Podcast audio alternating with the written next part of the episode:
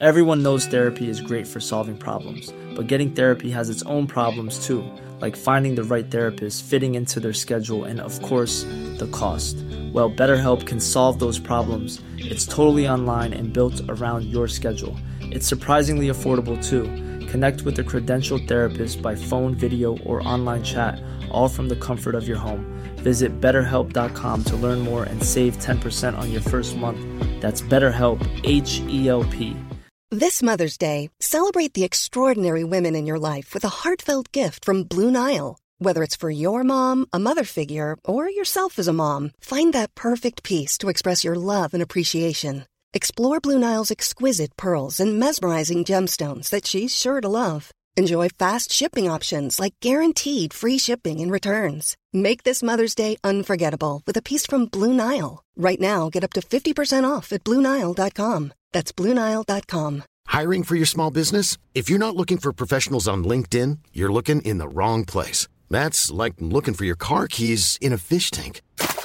LinkedIn helps you hire professionals you can't find anywhere else, even those who aren't actively searching for a new job but might be open to the perfect role. In a given month, over 70% of LinkedIn users don't even visit other leading job sites. So start looking in the right place. With LinkedIn, you can hire professionals like a professional. Post your free job on linkedin.com slash people today. A-kursen sponsras av Akademikernas a-kassa. Det är också Sveriges största a-kassa. Och varför ska man vara med i a-kassan? För att sova bättre om nätterna. För det här är ju någonting som ger en trygghet. Man står inte helt utan pengar om man då skulle bli av med arbetet. Och det är ju jättetråkigt att bli av med jobbet men det blir ju mindre tråkigt om man har safeat upp lite och betalat in 130 kronor i månaden till Akademikernas a-kassa så att man ändå kan få ut upp till 26 400 kronor i månaden. Och om man inte blir av med jobbet så kan man ju vara glad att man bidrar till trygghet för någon annan som förlorar jobbet. Ja, och om man byter jobb då behöver man ju inte heller byta a-kassa just för att det handlar ju inte om exakt vad man sysslar med utan det handlar ju om huruvida man är akademiker eller inte. Och det är vi hela livet. Verkligen, det är vi ju redan som studenter och även studenter är välkomna att bli medlemmar om man har som mål att ta minst 180 högskolepoäng. Så gå in på akademikernasakassa.se a-kursen i ett ord och bli medlem redan idag. Och tryggare kan inga vara än vi medlemmar och Guds lilla barnaskara. Ni två. Mm. Jag tror barnaskaran är större och medlemmarna med. Tusen tack Akademikernas a-kassa för att ni sponsrar A-kursen.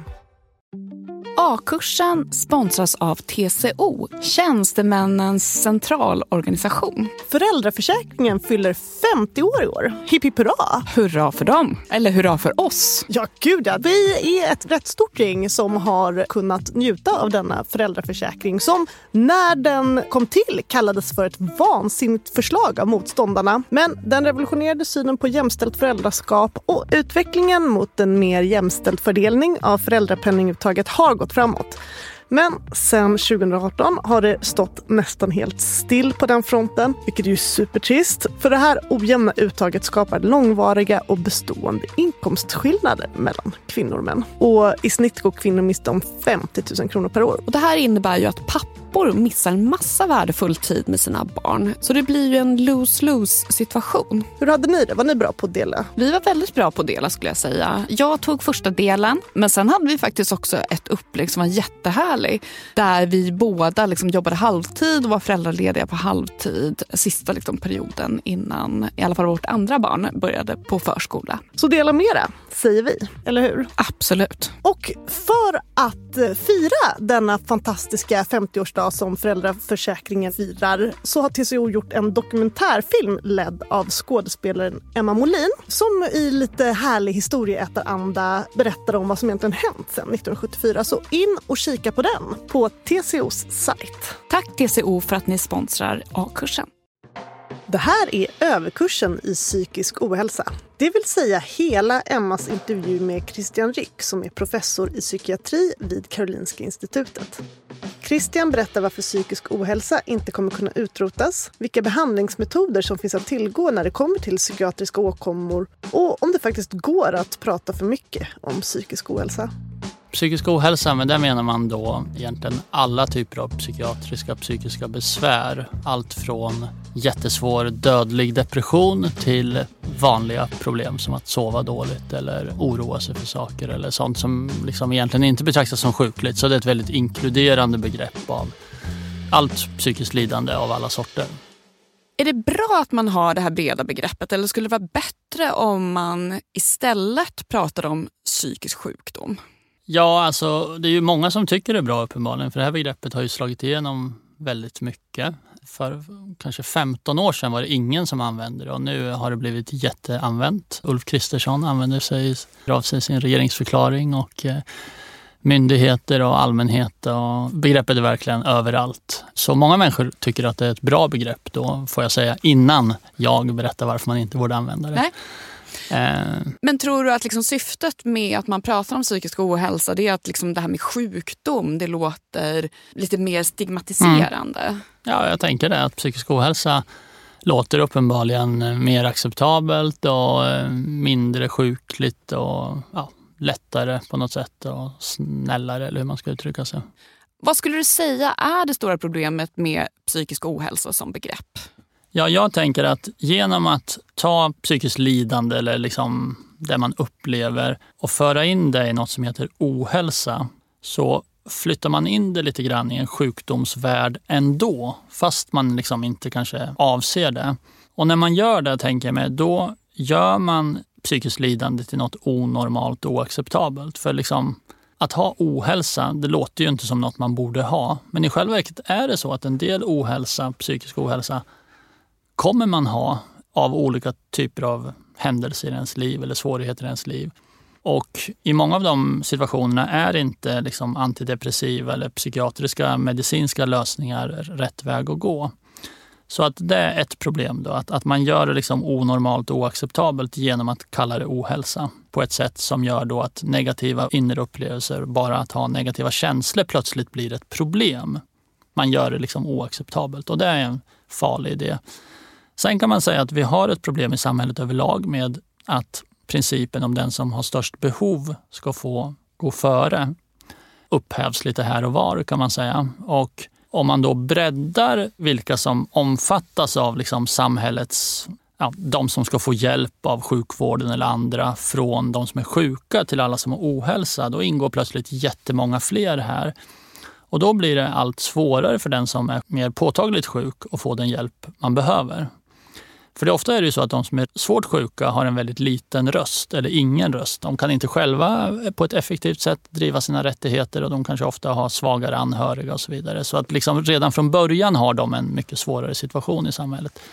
Så att det riskerar då att egentligen de med störst behov, när man liksom breddar begrepp, puttas bort ännu mer. Då. Det är som att alla skulle söka vård vid förkylning. Skulle ju ja, men lite så, eftersom hur man än gör så är resurserna liksom inte oändliga. Så att det problemet har vi redan. Liksom. Men kanske ändå att det här första är det största problemet. Att genom att liksom tänka på ett annat sätt kring det här och plötsligt börja tänka att allt jobbet jag upplever är patologiskt och farligt och liksom sjukligt så får vi en annan bild av oss själva och vad det är att vara människa. Och det tror jag man ska passa sig för. Kan det också vara viktigt alltså utifrån en sorts emotionell reglering att unga människor också lär sig att ibland så måste man lida och må dåligt och att det också på sikt gör att man efterhand med erfarenheter lär sig också att hantera emotionella kriser bättre. Ja, man vågar ju knappt svara ja på den frågan utan att framstå som eh, halvfascist. Men jag, för den här boken Olycklig i paradiset så intervjuade jag en antropolog och hennes studenter i Japan. Och för dem är ju frågan om lidande har en mening nästan absurd. Alltså för dem är det helt självklart att det är viktigt att lida för att kunna utvecklas som människa. Inte som att det är kul att lida, men genom olika prövningar och saker man utsätts för så växer man som människa och utvecklas. Och liksom de sa saker som det går inte att lita på människor som inte har lidit. Så att på något sätt fanns det där en slags roll för lidandet som jag tror vi har lite puttat bort hos oss. Samtidigt måste man såklart säga att det är inte kul att lida. Jag blir själv provocerad om man hör liksom att människor med cancer måste se det som en otrolig chans att upptäcka livet och så vidare. Men, men ändå det här att inte se varenda liksom jobbig sak som ett slags angrepp på mig, det tror jag är viktigt. Hur enkelt är det egentligen att skilja på sjuk och frisk när det gäller psykiska tillstånd?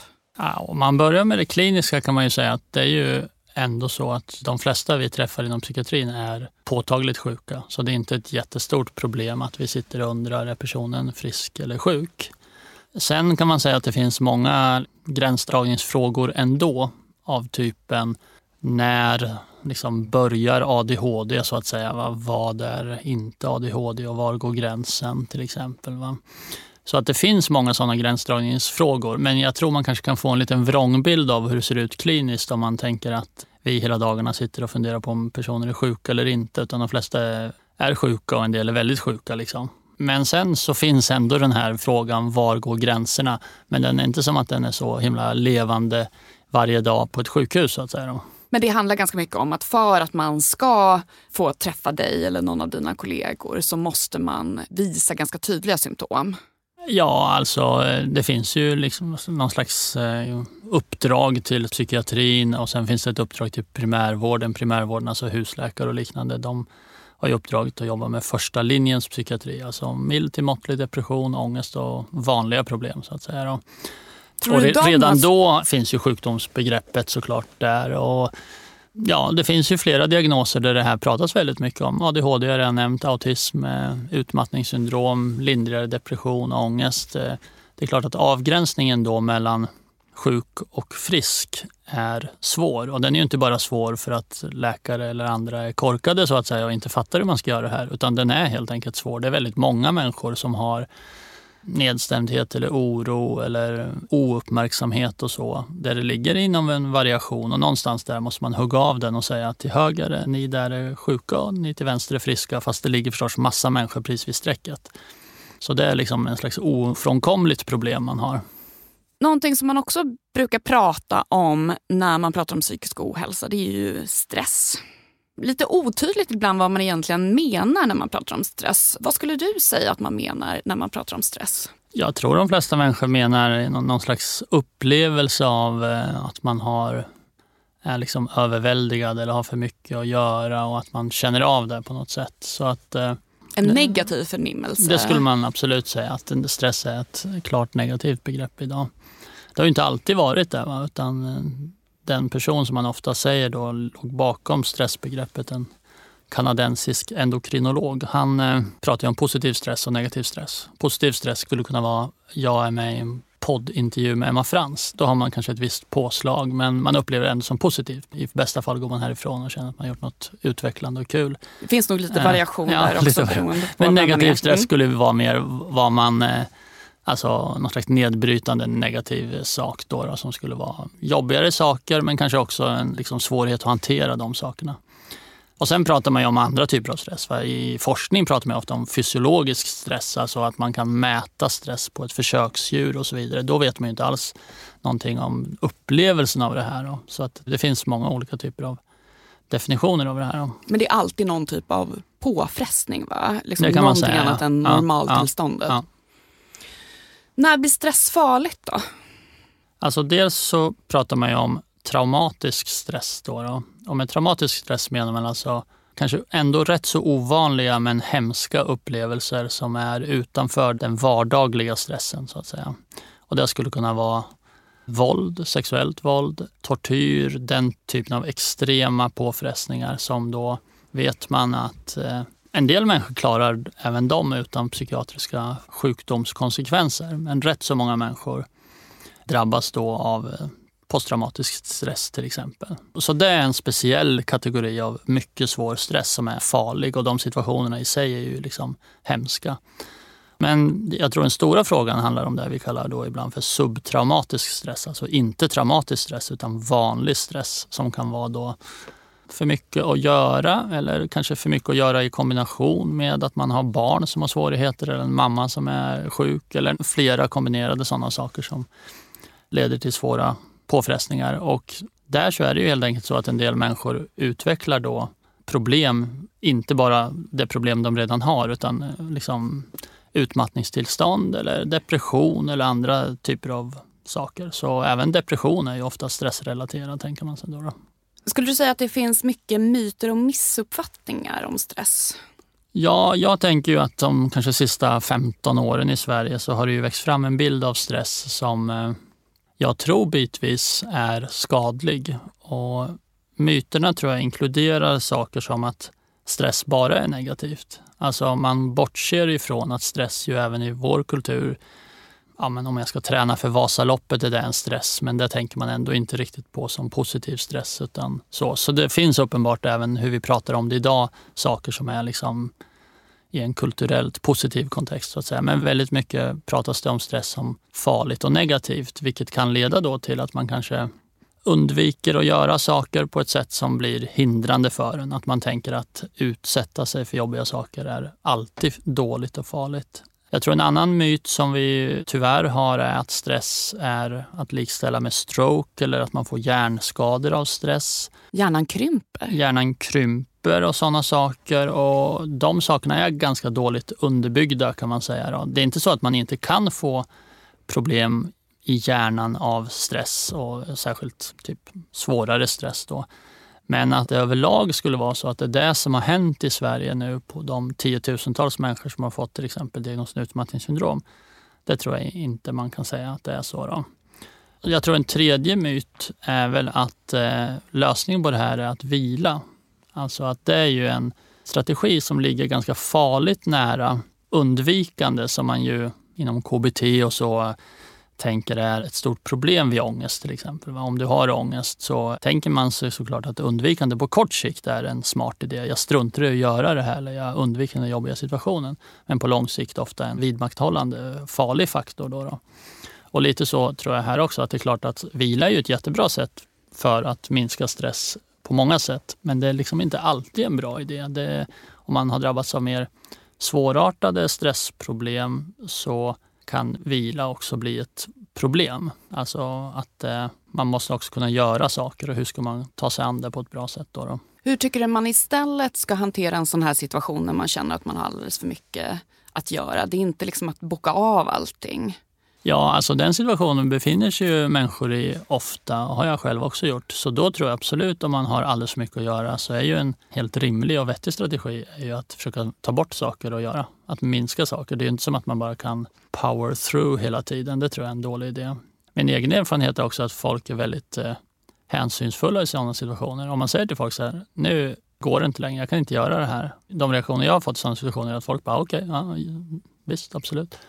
Så att eh, det tror jag är såklart så att många människor väntar alldeles för länge med den typen av åtgärder. Att försöka styra upp sitt, ja, om det är arbetslivet och så. Men jag tror för många som har svårare stressproblem, då är problemet att de kanske både har en ansträngd arbetssituation och så har de andra belastande situationer som är mycket svårare att göra någonting åt. De kanske har barn som fungerar dåligt och behöver jättemycket stöd hemma som man liksom inte kan avboka om du förstår vad jag menar. Utan jobbet blir liksom den enda reglerbara arenan på något sätt. Du nämnde det här att man är rädd för att uppleva stress. Det kan göra att man undviker stressfulla situationer. Men kan det också vara så att om man har en liksom syn på att stress är farligt, att det faktiskt också kan bli lite självuppfyllande?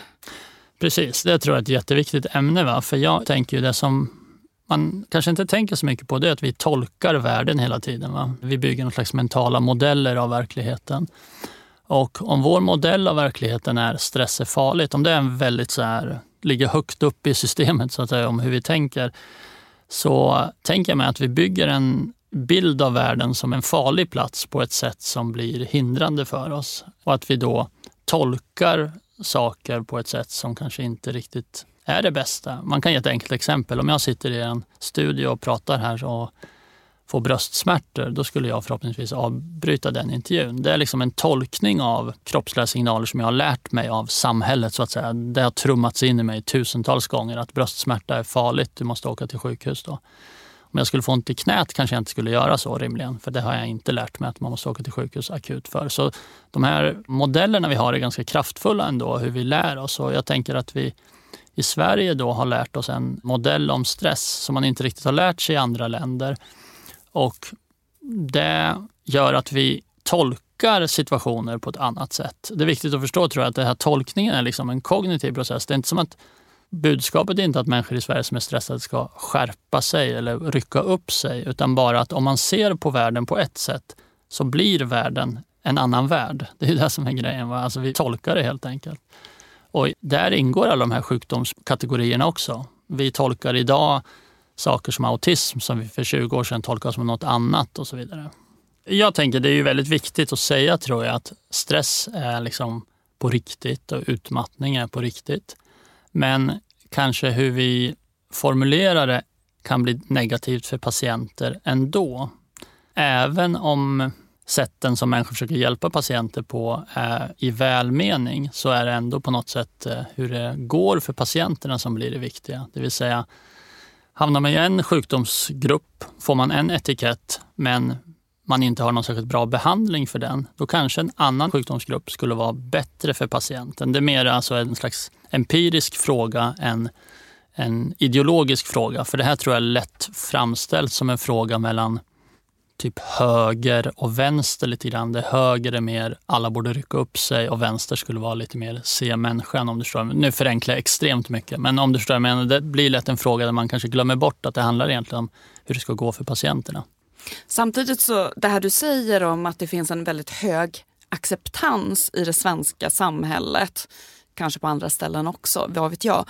Att om man kommer och säger så här, nu är det för mycket, nu kan jag inte liksom leverera mm. på just den här punkten. Tror du inte att det ändå kan hänga samman med att man faktiskt är väldigt medveten om hur illa det kan gå om man inte säger stopp i tid? Jo, eller tänker du att det inte skulle vara bra? Eller? Nej, det nej men jag bra. bara menar eh, eh, liksom en kanske fördel med att vi här i Sverige ja, är medvetna om mm. de negativa aspekterna av mycket stress är att man faktiskt också på något sätt kan gå till sin chef och säga nu måste det. Mm. Det kanske man inte kan göra nej, nej. på alla platser. Nej, men det, så tror jag absolut det är. Och liksom, på något sätt har ju Sverige varit en föregångare på gott och ont inom nästan allt, höll jag på att säga. Men även i det här fältet tänker vi att den stress och utmattningsvåg som har kommit till Sverige den ser man ju tecken till i andra länder, tio, alltså nu också, att det, den sjukskrivningsökning för psykiatriska tillstånd man har sett i Sverige, den bör komma i andra länder, fast den ligger mycket lägre. Men det är nog en del av en slags samhällsprocess där Sverige är tidigt ute. Då. Vad beror psykisk ohälsa på?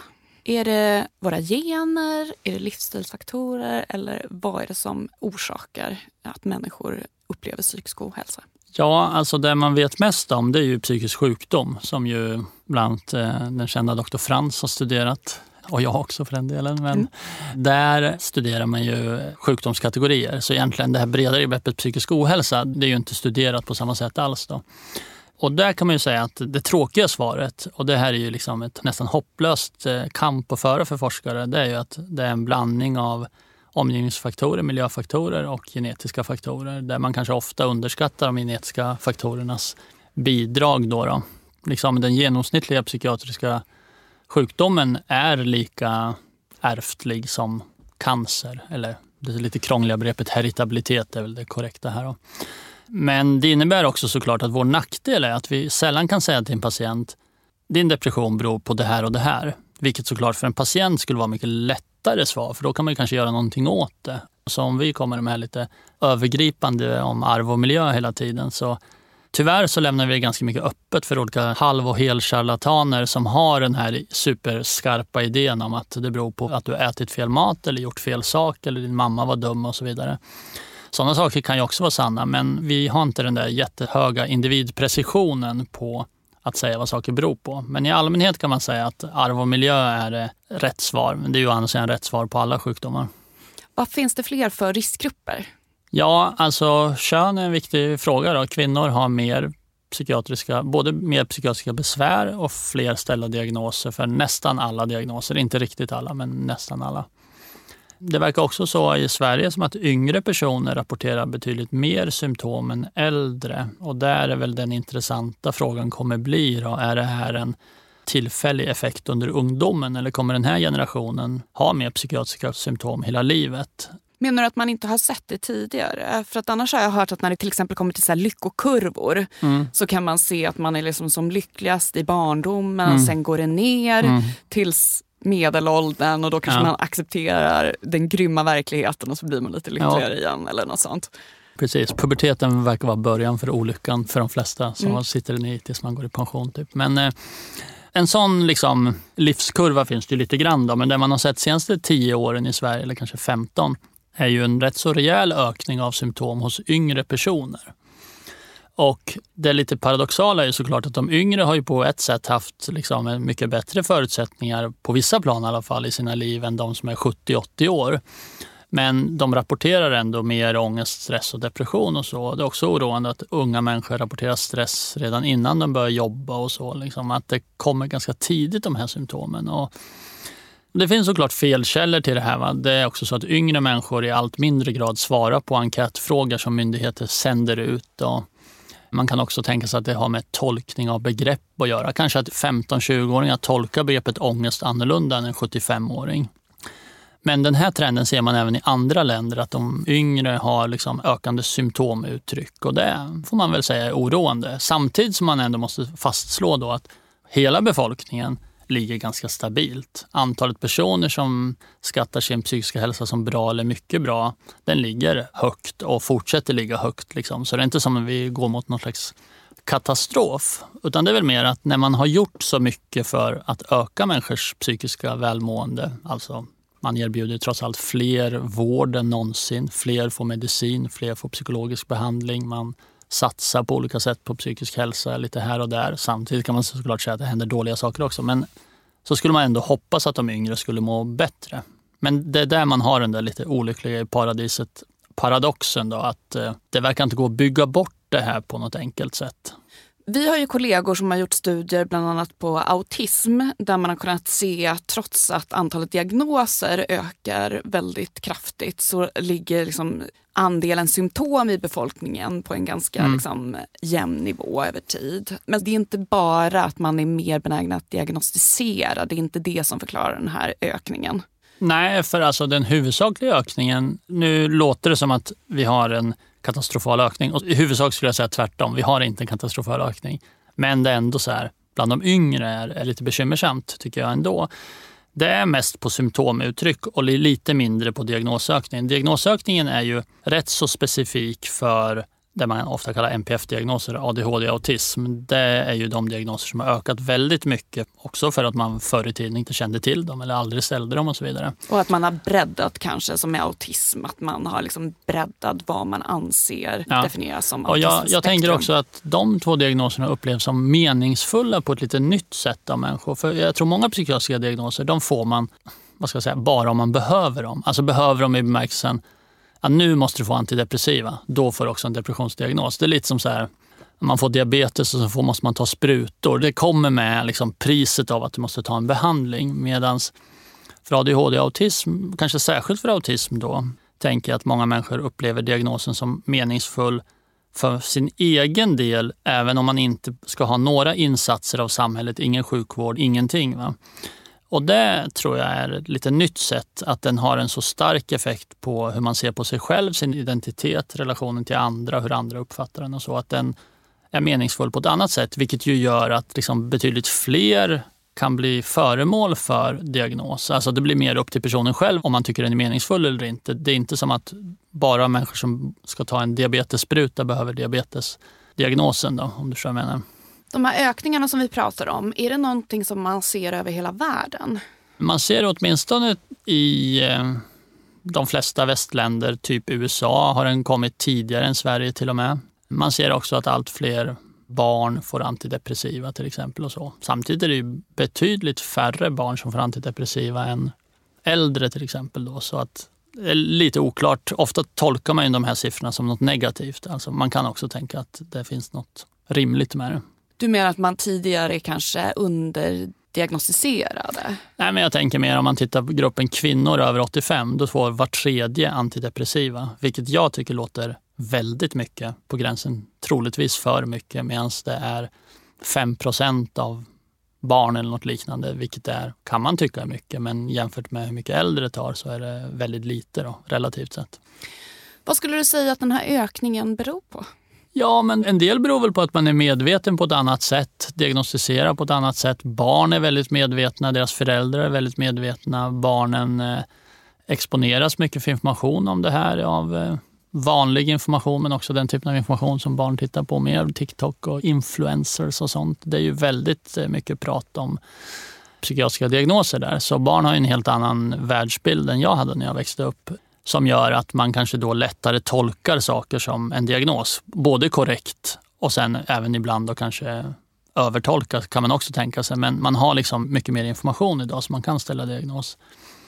Och sen finns det kanske bitvis en äkta ökning av symptom också. Då. Vad det gäller behandling, liksom att fler får antidepressiva, då är det alltid väldigt svårt att veta om det är lagom eller inte. Va? För att eh, man kan alltid säga att det finns massa odiagnostiserade personer som borde få medicin. Det tror vi ju fortfarande att det finns, den gruppen.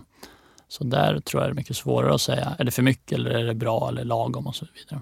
Skulle du säga att det traditionellt har funnits problem med en underdiagnostisering? Absolut. För många diagnoser, det är ju så olika för olika diagnoser. För vissa diagnoser ställs ju diagnoser ofta. Om vi tar ADHD och autism, de ställs ofta i Sverige idag hos unga människor. De ställs ju kanske då för autism åtminstone oftare än vad studier visar hur vanliga de är. Och så finns det andra diagnoser som ställs extremt sällan jämfört med hur vanliga vi tror att de är.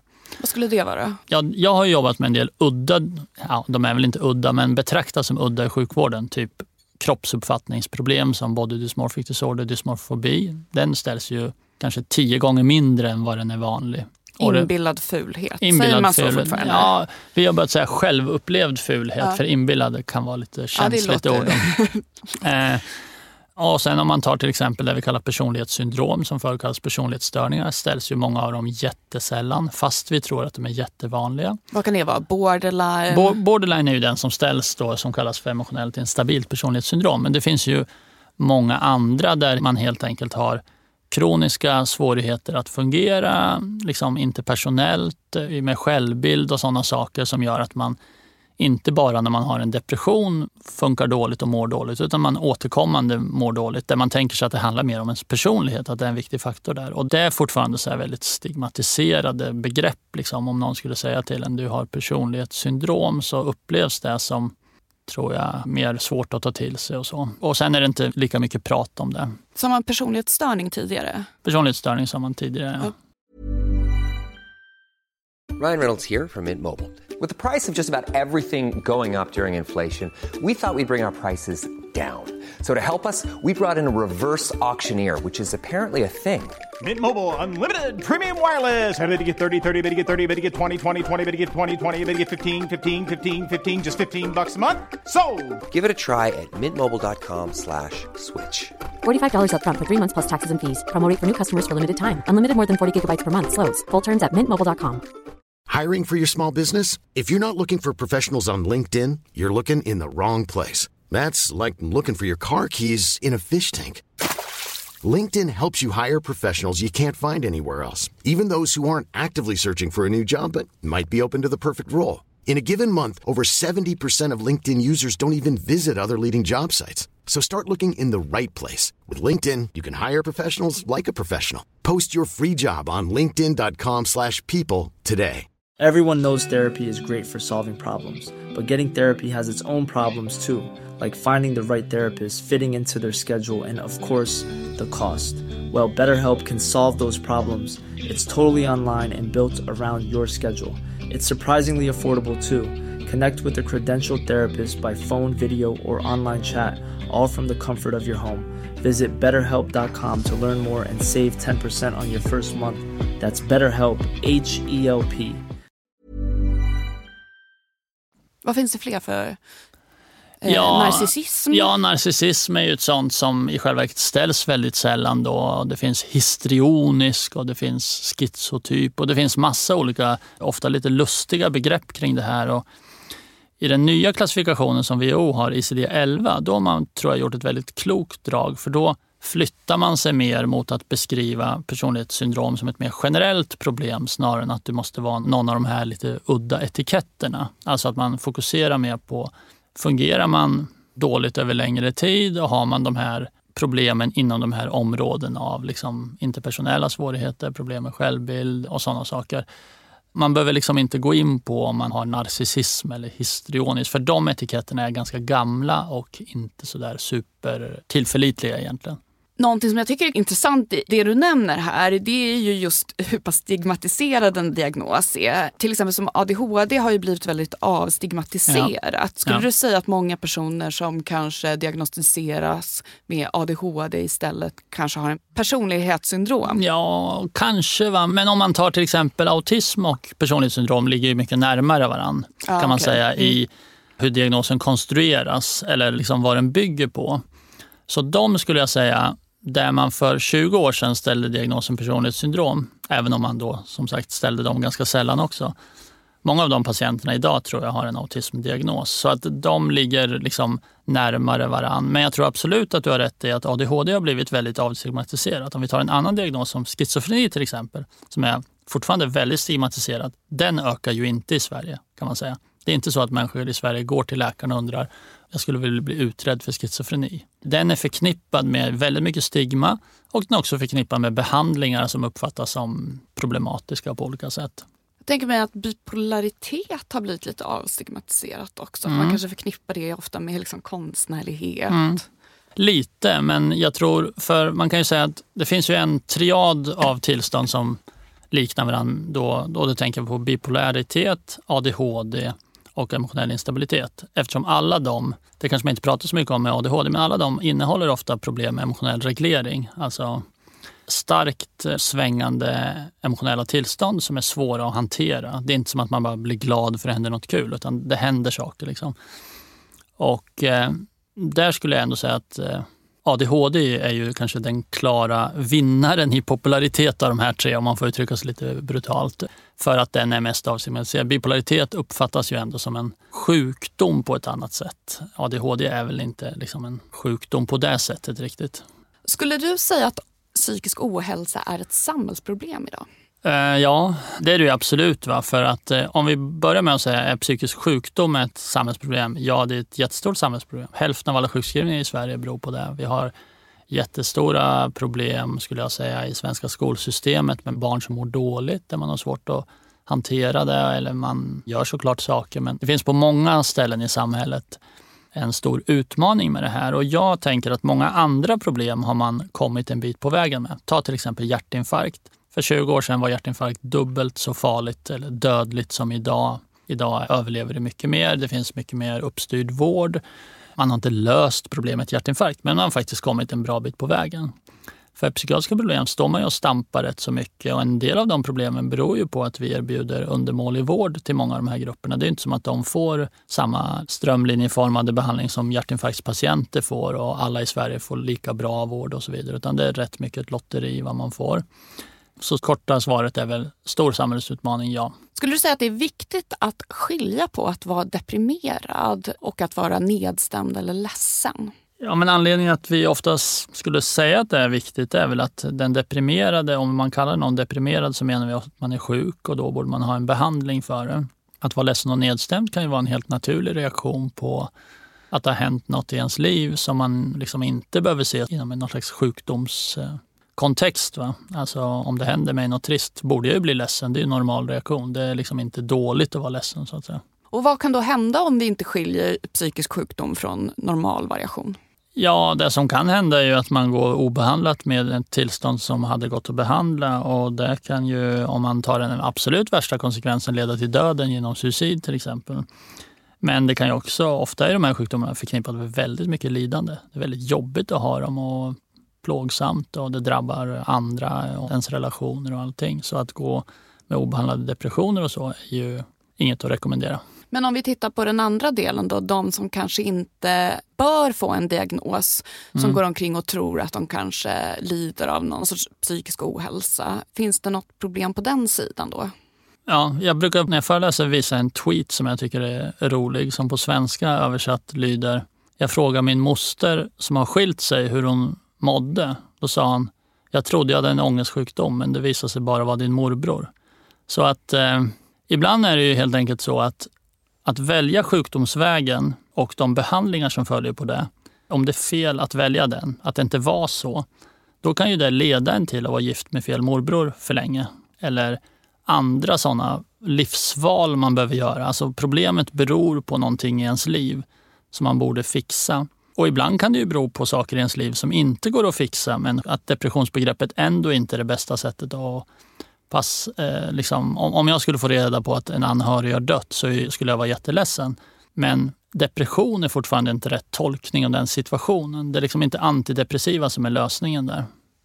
Men hur mycket lidande ska man då acceptera hos sig själv?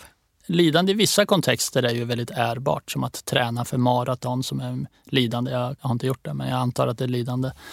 Eller andra såna här liksom väldigt specifika saker. Där kan man lida eller äta konstiga dieter som många kvinnor gör och så vidare. Där finns också något slags upphöjt med, med, med lidande. Men, men överlag såklart att, att människor försöker undvika lidande. Det är på något sätt inbyggt i hela vår fysiologi.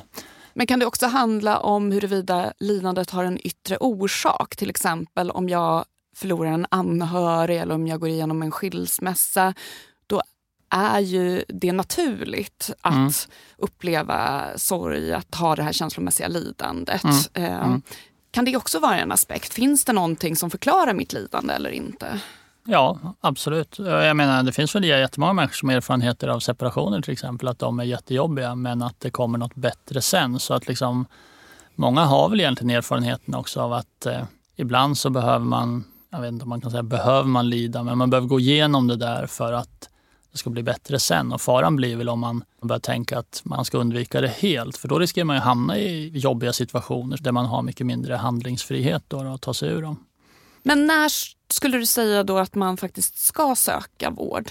Ja, jag tänker att alla som har eller misstänker att de har en psykiatrisk diagnos, eh, och nu uttrycker man kanske lite formellt, då, ska söka vård. Jag tycker inte att det är individens problem så att säga att jag upplever inte att det finns massa folk som söker i onödan eller så. Så jag tror man kan känna sig trygg med att man får söka vård så att säga. Va? Och sen är det upp till sjukvården att lista ut vad det är. Och typiskt brukar man ju säga att om man har då svåra symptom av typen nedstämdhet eller ångest eller massa andra typer av symptom finns ju också. Och man har en funktionspåverkan. Med funktionspåverkan menar man helt enkelt att man inte funkar som vanligt. Och det kan ju vara allt från att eh, man har liksom koncentrationssvårigheter som vid ADHD eller något liknande till eh, man kommer inte upp ur sängen för man är så deprimerad. Så liksom vad funktion är, är ju lite olika för olika typer av problem. Men det är ju de två aspekterna egentligen, lidande och funktion. Så om man själv tänker att det är nog så här, skulle jag tänka sök vård då så får de i så fall utreda det och säga att nej, det var inte så. Om det nu är så. Men de flesta som söker vård får ju en diagnos. Det vanligaste är inte att man säger gå hem och lid och genomgå det här själv. Men det finns inget som liksom smärta i knä respektive smärta i bröstet? Jo, men det, det kan man ju säga såklart. Absolut. Så man, man, kan ju tänka sig att vissa symptom är ju såklart mer, eller såklart, men är väl kanske mer anledning att söka vård för. Och det skulle ju inkludera till exempel att ha vissa typer av psykotiska upplevelser. Att höra röster, att eh, känna att verkligheten inte riktigt hänger ihop på det sätt man brukar. Att saker känns väldigt konstiga och avvikande mot hur man brukar uppleva världen. Det skulle kunna vara att vara manisk. Det är inte alltid man fattar själv att man är manisk för all del, men om man börjar känna sig väldigt uppvarvad och har otroligt mycket energi och tankarna rusar och så. Och sen på det du är inne på med depression så är det såklart så, att, eller andra tillstånd, om man har självmordstankar är ju det någonting vi gärna ser att man söker vård för. Hur behandlar man idag depression och ångestsyndrom? Ja, det är i huvudsak två behandlingar som man erbjuder. Och den första är ju antidepressiva. Det är kanske inte ett bra ord för medicinerna, men det som kallas SSRI är ju den vanligaste medicinen som har blivit oerhört vanlig i Sverige att ta. Men är det förstahandsbehandling? Nej, det är väl i praktiken förstahandsbehandling i bemärkelsen att betydligt fler får den. Enligt riktlinjer och vad jag tycker och så och pushar för är det ju KBT i första hand. Då, då. Både för lindrig till måttlig depression och för ångestsyndrom. Och tillgången till KBT har traditionellt varit mycket sämre. Eh, är det beroende på var man bor också? Det är bitvis beroende på var man bor. Nu kan man säga att nu finns det ju vissa digitala alternativ. Jag har ju till exempel jobbat på något som heter internetpsykiatrin som alla i Sverige då kan söka. Men fortfarande är det ju så att de lokala effekterna av vad din mottagning erbjuder är väldigt stora. Och det gäller även i Stockholm och Göteborg och sådana ställen. Att har du så att säga, tur så bor du på ett ställe. Bor du på Värmdö, går på Gustavsbergs vårdcentral så finns det en armé av psykologer som hjälper dig där och på vissa ställen finns inte det. Och det är ju en av de orimliga sakerna vi har i Sverige, en så ojämn tillgång till sjukvård. Så det är de två behandlingsalternativen där i allmänhet skulle jag uppmuntra de flesta att söka KBT i första hand. Då, då. Och jag tror många har en liksom ganska så här, kanske förenklad bild av vad KBT är. Att det bara är liksom att eh, sluta göra det man är rädd för. Och jag skulle säga att vi har en väldigt hög kompetens inom KBT i Sverige. Det är absolut något som många borde testa och det finns digitala alternativ också. Men i praktiken så är det nog kanske 80 procent som får, eller mer, som får SSRI-behandling. Och det är inget fel heller, men det är absolut så att det stämmer inte riktigt med hur vi i teorin har bestämt att resurserna ska fördelas eller prioriteras. Funkar båda de här behandlingsalternativen bra? Ja, jag skulle säga att de funkar bra. Det beror såklart på vad man menar med bra. Då. Vid paniksyndrom vet vi till exempel effekten är jättebra för många. För vissa av de andra tillstånden är effekten lite klenare. KBT nu eller? Båda skulle jag ja. säga. Då. Och eh, det finns ju såklart många som får till exempel SSRI för depression som inte har effekt fullt ut. Så att eh, det vore kanske lite konstigt för dem att höra här att jag sitter och säger att det funkar bra. För att, så det är ju inte som att de funkar bra i bemärkelsen att ta KVPenin för halsfluss eller något liknande. Att nästan alla kan räkna med att bli av med problemen. Men de funkar väl relativt bra kanske man kan säga. Då, Men är det så att det finns en andel som är typ non-responders som det inte funkar bra på? Det finns absolut en rätt så stor grupp som inte märker av någonting att ta medicinen. Och man kan säga att fördelen för SSR är väl också att bieffekterna är milda. Så det är också många som inte har några bieffekter. Det är ju positivt. Äldre tiders mediciner och vissa andra mediciner, då rävgift är ett starkt ord att säga, men de har ganska rejäla biverkningar. Så jag tror det här bidrar också till att en hel del patienter står kvar på en overksam behandling. För de har liksom ingen direkt negativ effekt av att ta den, men inte så tydligt positiv heller. Och jag tror om man inte har någon effekt så är det viktigt att utvärdera det och i så fall sluta och söka andra alternativ. För jag träffar massor med patienter som står på en overksam behandling år ut och år in och jag tror kanske att i sjukvården bidrar vi till det genom att vara så dåliga på kontinuitet. Alltså om du träffar en ny läkare varje gång på vårdcentralen så det är rätt så svårt att avgöra om man har haft någon effekt. Jag menar, läkarna vet ju inte för han var inte där förra gången eller hon och patienten själv är ofta ganska osäker. Så det är en hel del som seglar vidare här på overksamma behandlingar där man borde göra mer. Finns det några andra sätt som vården kan förbättras för den här patientgruppen? Ja, det finns väldigt många sätt vården skulle kunna förbättras på. En är ju en jämn och tydlig tillgång till den vård man borde få. Jag tänker att i många andra kategorier av sjukvård skulle man inte acceptera att förstahandsbehandlingen inte ges. Att det skulle vara orimligt. Att det vore lite som att säga till människor med diabetes, du får ingen insulin för på vår vårdcentral har vi inte det. Liksom.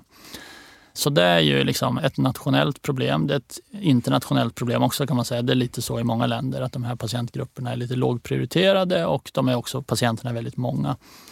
Ett jättestort problem vi har i Sverige just nu är att många diagnostiseras med ADHD och autism och vi har väldigt svårt att ge dem särskilt mycket. Vi har satsat väldigt mycket på att utreda patienter så det är många som får diagnos men det är väldigt få som jobbar på det stället dit de ska sen för att många av de ställena funkar inte riktigt. De har drunknar i patienter och folk vill hellre jobba på diagnosfabriken för att uttrycka sig lite brutalt. Så för dem tror jag vi saknar väldigt mycket av det vi borde göra, både autism och ADHD. Hur tror du att behandlingen kommer att se ut om tio år? Kommer den vara annorlunda jämfört med den behandling som ges idag? Ja, men en trend som redan har börjat är ju ändå att vi har kunnat göra behandlingar digitala, en hel del psykologiska behandlingar och det har ju funkat häpnadsväckande bra. Man skulle ändå tro att det här att gå till någon skulle vara extremt centralt för att få effekt. Och liksom att man kan läsa själv och sen få lite chattmeddelande av någon. Att det skulle kunna ha likvärdig effekt är faktiskt förvånande. Jag förstår att när det som vanligt, när det väl har hänt och allt det här är känt så känns det som att det var självklart. Men i själva verket, eh, eftersom jag har varit med hela vägen, kan jag säga att det, det var inte självklart. Och det tror jag är en viktig utveckling mot det här att alla ska kunna få den vård de vill ha. För ofta är ju vården ganska krångligt uppbyggd. Du måste först gå till en person Sen ska du få en remiss till en annan person och otur så går inte den remissen igenom eller så. Och jag tänker att mycket av vården är också uppbyggt på ett sätt som gör det väldigt svårt för människor med vissa typer av svårigheter att få vård. Om vi tar ADHD till exempel. Ja, det finns vissa saker, men lite är det så att om du ska lyckas boka in den här föräldrakursen på ADHD-center, då har du nog inte ADHD själv. så att säga. Om förstår liksom det, det är lite så många steg för att nå dit och här kan man liksom sprida en behandling på sätt som gör att de finns där direkt för patienten på ett sätt som gör dem tillgängliga och inte sålla bort folk hela tiden. För vi vet överlag i sjukvården att de som har lättast att delta i alla aktiviteter är oftast de som är de mest högfungerande och kanske med minst behov på ett sätt. Då. Det pratas ju en del om liksom appar som ska kunna predicera huruvida man riskerar att vara på väg in i en depression till mm. exempel. Mm. Vad tror du om, om, den typen av verktyg? Och just ja. att kunna få, fånga mm. upp mm. människor tidigt, är det mm. viktigt? Ja, båda de idéerna är ju i teorin otroligt tilltalande. Dels att kunna ägna sig åt prevention, så fixa liksom problemen innan folk blir sjuka. Och det andra skulle vara med mycket högre precision, kunna liksom hjälpa folk förutse saker, förutse när du ska få en ny depression eller förutse exakt vilken behandling du ska få. Och så. Och det visar sig ju vara tyvärr ganska svårt att göra det. Alltså många preventionsinsatser som liksom verkar supervettiga och så har rätt så svårt att visa effekt. Och vad det gäller att förutsäga saker så är det också lite så att eh, ingen skulle ju inte tycka att det vore smart att använda all den data som en mobiltelefon samlar in idag. Allt från hur snabbt du trycker på en knapp, vad du söker för, hur mycket du rör dig och så. Va? Att det inte skulle vara extremt intressant data för forskning. Och det är ju i allmänhet svårt för forskare att accessa den informationen, men en del har ju gjorts där. Och man kan väl totalt sett ändå säga att det här är absolut något som är intressant man ska satsa på, men det är ganska svårt att göra det. Alltså, resultaten hittills är inte som att eh, vi har den här otroliga precisionen i våra förutsägelser, tyvärr. Men vi kanske har det om tio år, det är möjligt. Men det är nog också så att det är så komplext en del av det här så att det kommer vara svårt att göra det bra. Ett annat sånt där hypat område är ju magiska svampar. Mm. Don't believe the hype, eller? Ja, alltså Ja, faktiskt lite så. Alltså det tänker jag så här, det är klart att det vore jättebra med fler behandlingsalternativ. För att vi, som vi sa förut här, så för en del patienter funkar inte det vi har idag. Svampbehandlingen är också ett fåtal, det är inget man behöver ta varje dag. Det verkar på vissa sätt smidigt, eller hur man ska uttrycka sig. Samtidigt så oroar jag mig en hel del för det liksom, hals över huvud-intresse det här området har utlöst hos människor. Det är liksom... Och liksom entreprenörer som kastar pengar på ja, den här precis. också. Och, och det är ofta med liksom den här typen av eh, snack då av att det här kommer vara ett genombrott och breakthrough och vara enorma, liksom, förändra allt och liksom allt det gamla var kast och nu kommer något som är helt amazing. då. Hittills när man har sagt så, så har det ofta slutat med fiasko kan man säga historiskt. Så jag tänker att det är viktigt att hålla huvudet någorlunda kallt och titta på data. Då. Det finns ju intressanta data, men frågan är om de är den här liksom jättegrejen eller om det är mer som kanske ytterligare en behandling. Vi har ju ett annat liknande läkemedel, ketamin, som har införts i Sverige eller funnits som anestesiläkemedel tidigare som också kom med en rejäl hype då. Det är inte självklart man ska räkna det som ett psykedelika, men det har den här dissociativa effekten. Då, då. Och där är mitt intryck hittills att det är, inte har levt upp till de högt ställda förväntningar som man har haft. Då, då. Så jag är nog försiktigt eh, tråkig och eh, avvaktande. Ja. Vad skulle du säga att man kan göra för att minska sin egen risk för psykisk ohälsa? Ja, alltså det finns ju sådana här helt vanliga livsstilsråd att ge. Då. Och det är ju av typen eh, ha bra relationer. Jag vet inte om man kan säga det. Det låter så väldigt enkelt och förnumstigt att säga. Men försöka leva det låter som Anders Wallensten. Ja, det låter som Anders Wallensten. Mm. Ja. Ja, ja. Men, sen då? Nej, men sen är det ju saker som du vet att träna och såna saker också. Du vet ju särskilt du väldigt väl att det är klart att det är ju inte som att de här livsstilssakerna är helt oberoende av ens andra förutsättningar i livet. Utan ofta är det så att man kanske tränar mycket och man äter många hälsosamma saker och så hänger ihop med att man redan är hälsosam.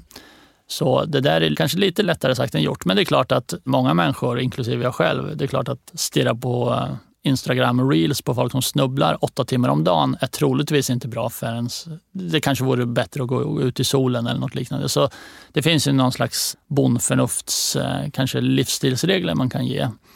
Jag tror eh. personligen väldigt mycket på sömn och rutiner. Ja. Både preventiv, då, men det är väl också jätteviktigt för personer som ja, men jag har förstått personer som är bipolära för att undvika mm. att man går in i ett maniskt tillstånd så det är viktigt att liksom tänka på sömn och rutiner. Ja, och sånt. Ja.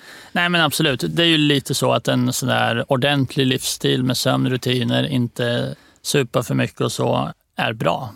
Sen så kanske man är lite olika känslig. Sen är man nog lite olika känslig och sen tror jag att eh, om man är ung va, så tror jag också att det kanske är bra om man inte blir helt fixerad vid det där. För ibland så tänker jag att det finns en del människor som har blivit liksom hälso... Jag vet inte om man kan säga hälsofixerad, utan liksom de läser en ändlös ström av självhjälpsböcker och försöker leva ett slags perfekt liv. Och det går in lite i det här kanske strävan efter ett optimalt liv som jag tror är en ganska farlig idé faktiskt. Alltså jag förstår att man gör det av någon anledning, man känner att man behöver det, men ibland kanske man beroende lite på hur man mår, kan lite bara släppa och försöka leva lite. Ha det lite gött. Ha det lite gött, ja. Mm. Många menar att man ska prata om psykisk ohälsa. Vad tänker du om det? Jo, men visst. Det är klart att det är bra. Jag menar, vi vet ju att jag har ju själv jobbat med många diagnoser som folk inte visste ett dyft om för 20 år sedan. Och när man får reda på att det finns något som heter hoarding eller OCD eller dysmorfobi så kan man ju få hjälp och kan förändra ens liv totalt. Va? Så det är klart att det är bra med den kunskapen. Men ibland finns det också frågan, liksom, när man säger hela tiden, man säger ofta att man ska prata mer om det.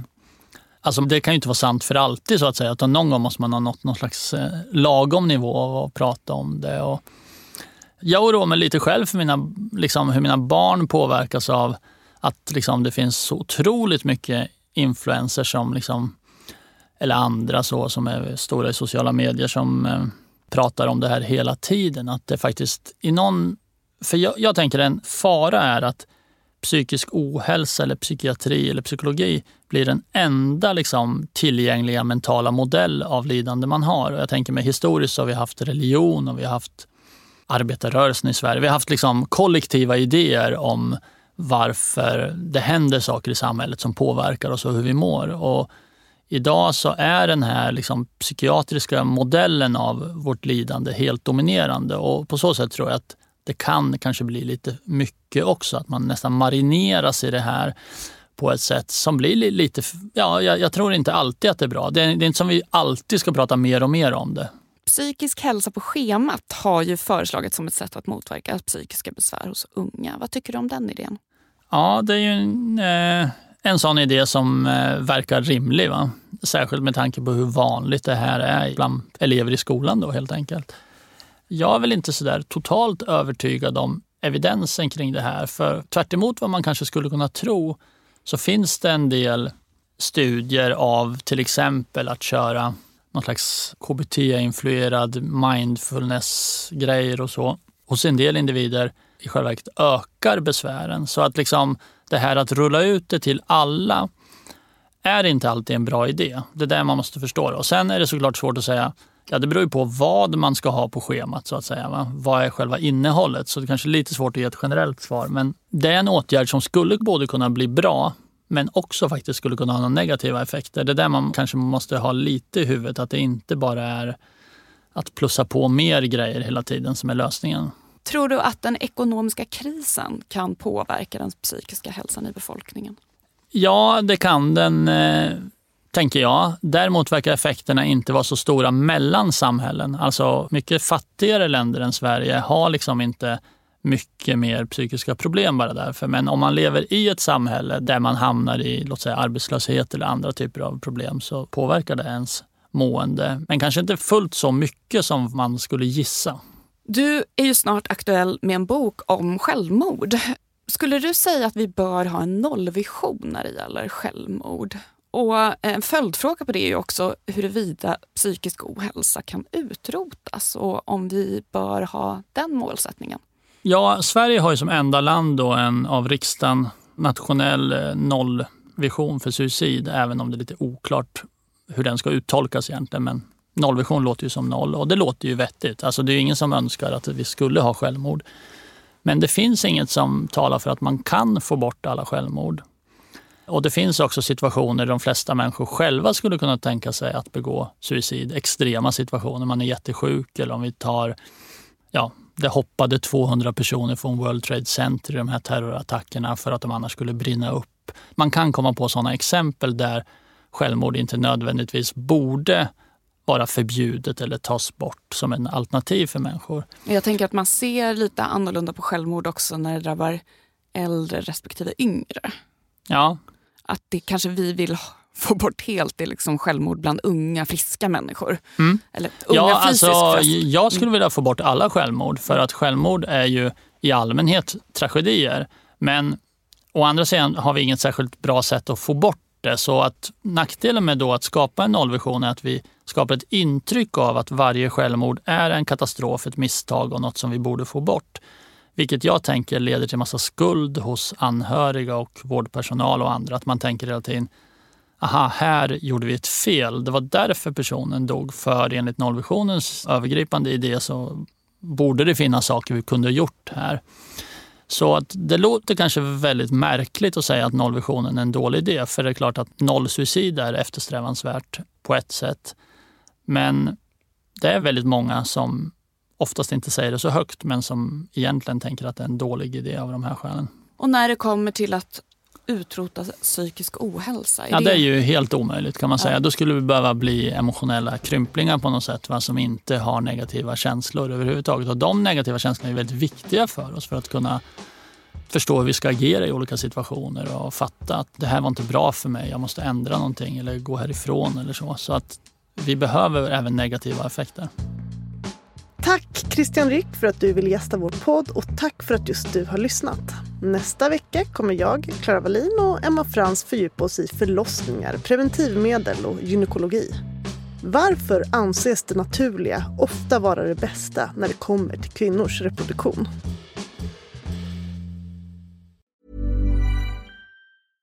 Imagine the softest sheets you've ever felt. Now imagine them getting even softer over time. That's what you'll feel with Bowl and Branch's organic cotton sheets. In a recent customer survey, 96% replied that Bowl and Branch sheets get softer with every wash. Start getting your best night's sleep in these sheets that get softer and softer for years to come. Try their sheets with a 30-night guarantee. Plus, get 15% off your first order at bowlandbranch.com. Code BUTTERY. Exclusions apply. See site for details. Hi, I'm Daniel, founder of Pretty Litter. Cats and cat owners deserve better than any old fashioned litter. That's why I teamed up with scientists and veterinarians to create Pretty Litter. Its innovative crystal formula has superior odor control and weighs up to 80% less than clay litter. Pretty Litter even monitors health by changing colors to help detect early signs of potential illness. It's the world's smartest kitty litter. Go to prettylitter.com and use code ACAST for 20% off your first order and a free cat toy. Terms and conditions apply. See site for details. Even when we're on a budget, we still deserve nice things. Quince is a place to scoop up stunning high end goods for 50 to 80% less than similar brands. They have buttery soft cashmere sweaters starting at $50, luxurious Italian leather bags, and so much more. Plus, Quince only works with factories that use safe, ethical, and responsible manufacturing. Get the high-end goods you'll love without the high price tag with Quince. Go to quince.com slash style for free shipping and 365 day returns.